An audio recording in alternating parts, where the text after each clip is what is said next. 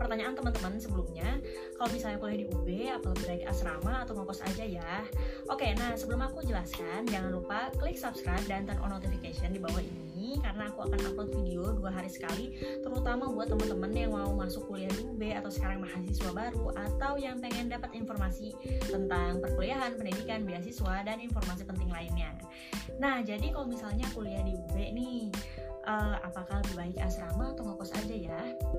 Oke, okay, aku akan jelaskan tentang asrama dulu ya. Jadi asrama di Universitas Brawijaya ini tidak wajib. Jadi kalau misalnya kamu mahasiswa baru dan berpikir bahwa asrama itu wajib untuk mahasiswa baru, di Universitas Brawijaya tidak seperti itu.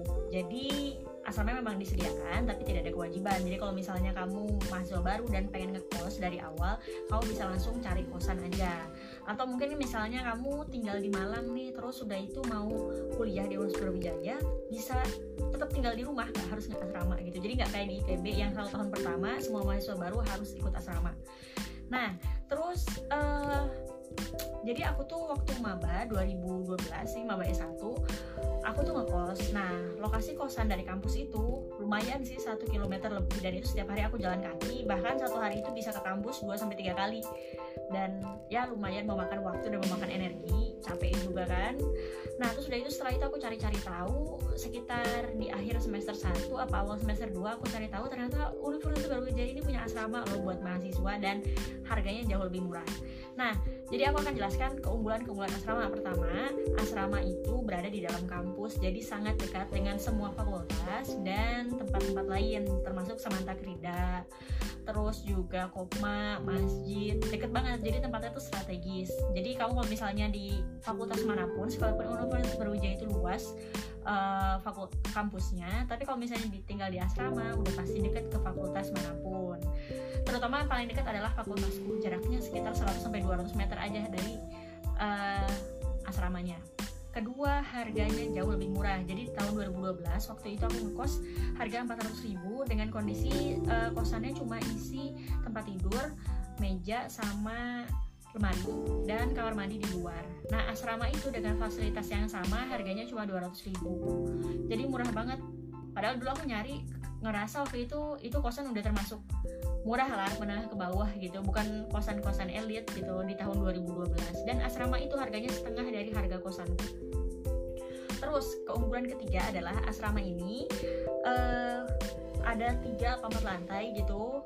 Nah di lantai paling bawah itu ada kopma di situ tuh jual berbagai apa ya makanan. Jadi kalau misalnya kamu lapar nih malam-malam nggak usah pergi keluar kampus gitu. Jadi udah, udah disediakan semua di asrama dan kamu tinggal turun aja ke lantai satu. Terus udah itu bisa langsung beli makanan di situ.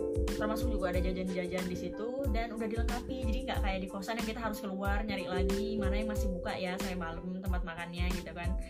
Terus udah itu uh, ada penjaga juga. Nah, jadi kalau misalnya kau merasa pengen lebih aman, sebenarnya di asrama itu lebih aman karena pertama nih masuk kampus aja itu udah ada satpam di setiap gerbangnya.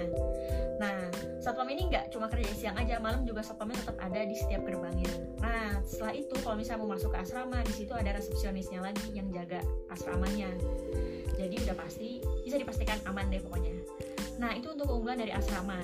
Nah, tapi karena asrama ini punya banyak sekali keunggulan seperti itu, asrama ini selalu penuh. Jadi dulu kan semester 1 apa semester 2 gitu aku tahu asrama dan aku berusaha mendaftar pengen bisa ikut di asrama karena harganya lebih murah kan nah terus waktu itu setelah aku cari-cari tahu ternyata kita nggak bisa uh, bisa masuk asrama langsung ternyata masuk waiting list gitu nah ternyata ke sini-sini baru tahu bahwa waiting list itu sebenarnya apa ya nggak jalan gitu.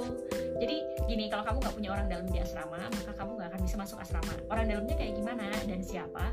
Bukan petugasnya bukan resepsionisnya tapi orang dalamnya adalah uh, mahasiswa yang asrama di situ. Jadi misalnya gini aku punya kakak tingkat nih terus udah itu udah semester akhir udah yudisium udah wisuda dan mau pindah dari Malang dan tidak lagi di asrama maka dia akan hubungin adik tingkatnya atau kenalannya yang masih kuliah untuk gantiin dia. Jadi kita nggak bisa masuk ke asrama langsung gitu. Kita ditarik sama orang yang sudah tinggal di asrama di sana. Jadi menurutku perbandingannya kecil banget apalagi kalau kita nggak punya link orang yang sudah tinggal di asrama. Nah aku tuh baru ketemu kenalan yang tinggal di asrama setelah aku semester 6 apa 7 jadi ya udah udah nggak butuh di asrama juga. Jadi ya kayak gitu sulitnya. Terus sudah itu kedua bagi kamu yang menyukai privacy menurutku asrama bukan suatu tempat tinggal yang pas buat kamu karena di asrama sekalipun murah harganya 200 ribu per bulan itu tuh kita sekamar berdua. Jadi totalnya sebenarnya dihitung-hitung di asrama itu biayanya 400 ribu.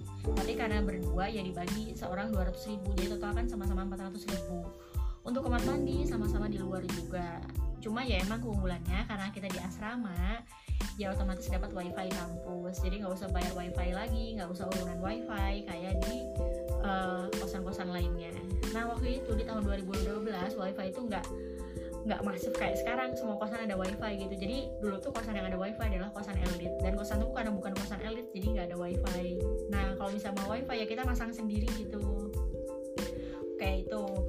Uh, terus bagi kamu yang merasa kehidupan malam atau kehidupannya masih pengen nongki-nongki di cafe gitu sampai malam atau misal masih mau karaokean sepulang kuliah maka asrama juga bukan tempat yang cocok buat kamu karena asrama ini ada jam malam.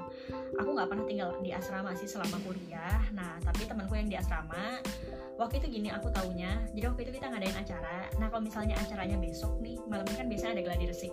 Nah pas gladi resik itu dia itu nelponin uh, penjaga asramanya. Ternyata dia izin.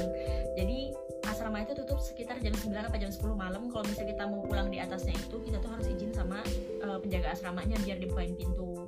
Nah bagi kamu yang merasa tidak suka dengan adanya jam malam maka kamu bisa nyari kosan aja. Tapi pastikan ya kosan yang bebas jam malam juga. Kalau kosan ada jam malam ya sama aja. Gitu. Nah terutama bagi kamu yang memang nanti di kampus mau aktif di organisasi aktif uh, ikut acara-acara pastikan nyari kosan yang nggak ada jam malam dan juga jangan tinggal di asrama. Karena kalau misalnya ikut acara aktif di organisasi itu rapatnya bisa sampai tengah malam gitu.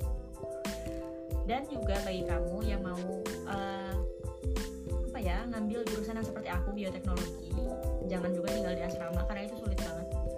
Bisa-bisa kamu nggak pernah tinggal di asramanya. Kenapa? Karena waktu aku semester 3 apa 4 ya mulai dari semester 2 sih praktikum. Tapi yang paling parah itu di semester 4 itu aku ada praktikum yang selesainya sekitar tengah malam apa jam 2 pagi. Jadi udah pasti kalau misalnya ada jam malam nggak bisa pulang ke asrama.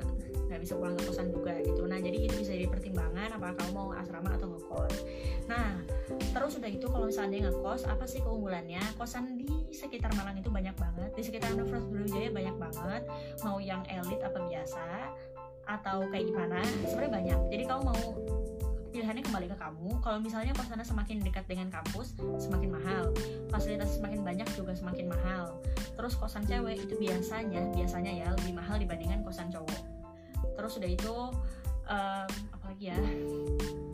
Intinya gitu. Jadi uh, tergantung kamu mau kosannya murah. Kalau murah biasanya fasilitasnya nggak selengkap yang kosan elit.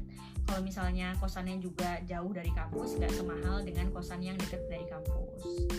Nah jadi bisa dipertimbangkan tuh terus juga kalau misalnya kamu merasa nih pengen kosannya elit tapi murah caranya adalah kamu sekamar berdua sama temen. Bisa kamu cari temen lah apa adik apa saudara terus sekamar berdua biasanya kosannya lebih murah. Jadi gini misalnya satu kamar kosan harganya 500 ribu.